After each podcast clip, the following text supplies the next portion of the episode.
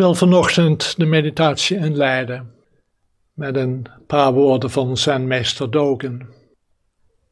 De Japanse zenmeester uit de 13e eeuw, die ook de grondlegger is van de Soto Zen traditie in Japan. En het komt uit een korte tekst, dat heet in het Japans de Shishogi. En wat vertaald kan worden met wat training en verlichting werkelijk betekenen. En Dogen zegt, de belangrijkste opdracht voor alle boeddhisten is het volledig doorgronden van geboorte en dood. Want als je de Boeddha kunt vinden in geboorte en dood, houden beiden op te bestaan. Die term geboorte en dood wordt in het boeddhisme veel gebruikt. Het staat voor alles wat komt en gaat. Het is niet alleen alles wat geboren wordt in de letterlijke betekenis en sterft, maar ook al die dingen die ontstaan en vergaan. Zelfs onze eigen gedachten, onze emoties, onze angsten, onze vreugde en plezier.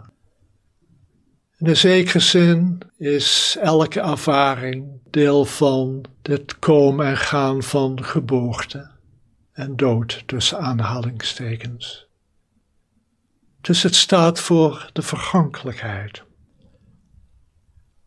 En wat Dogen hier zegt is, als je de Boeddha kunt vinden in de vergankelijkheid, houdt die vergankelijkheid op te bestaan.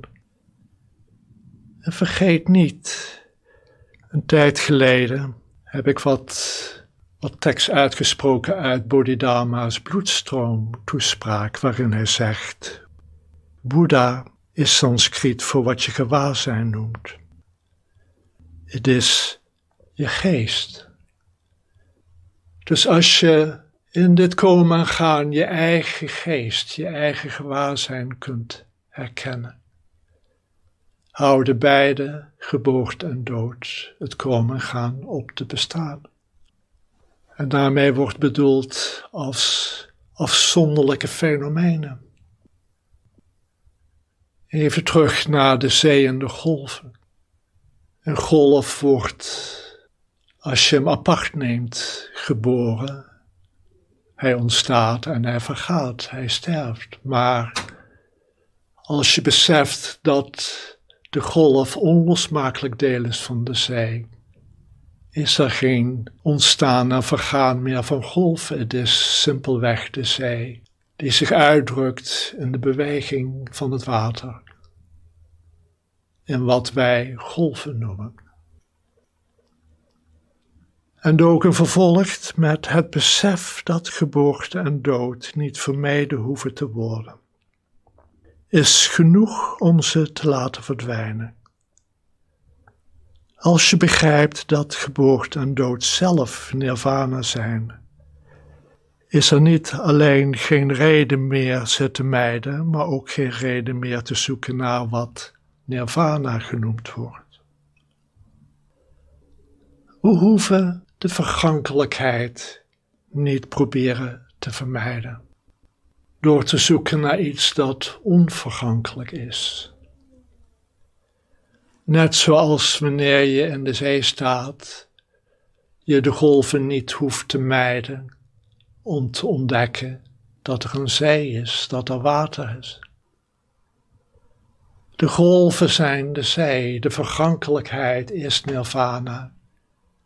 En de zee drukt zich uit in de golven. Nirvana drukt zich uit in wat komt en gaat in je, om je heen.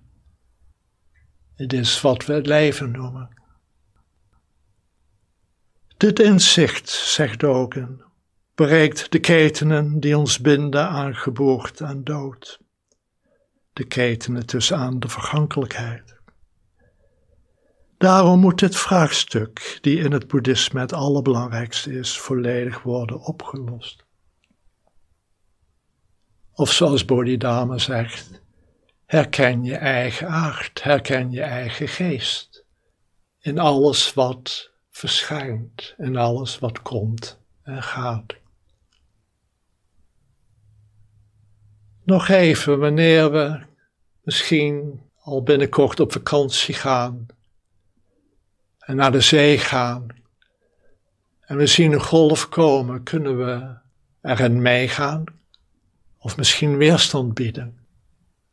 En zo is het ook in onze meditatie met de golven tussen aanhalingstekens in onze geest, met de gedachten, de emoties, de verhalen. We kunnen meegaan of we kunnen weerstand bieden. Maar misschien heb je dit wel eens gedaan door, wanneer je in de zee bent, te gaan liggen, te ontspannen. Als het ware één te worden met het water, met de zee. En dan voel je die energie van de golven onder je doorgaan. Je gaat wat omhoog en omlaag. Je hoeft niets te doen. Sterker nog, je blijft op dezelfde plek. Je geeft je over aan wat niet komt en gaat. En daardoorheen stroomt het komen en gaan, de vergankelijkheid. En daarom benadrukt zijn meester Doken ook samsara, de wereld van alle dag, is nirvana. En nirvana drukt zich volledig uit in elk moment van alle dag. Dus kan je zitten nu in deze meditatie en als het ware figuurlijk liggen op het water van je geest. En ja, er is die beweging onder je, maar laat het zijn.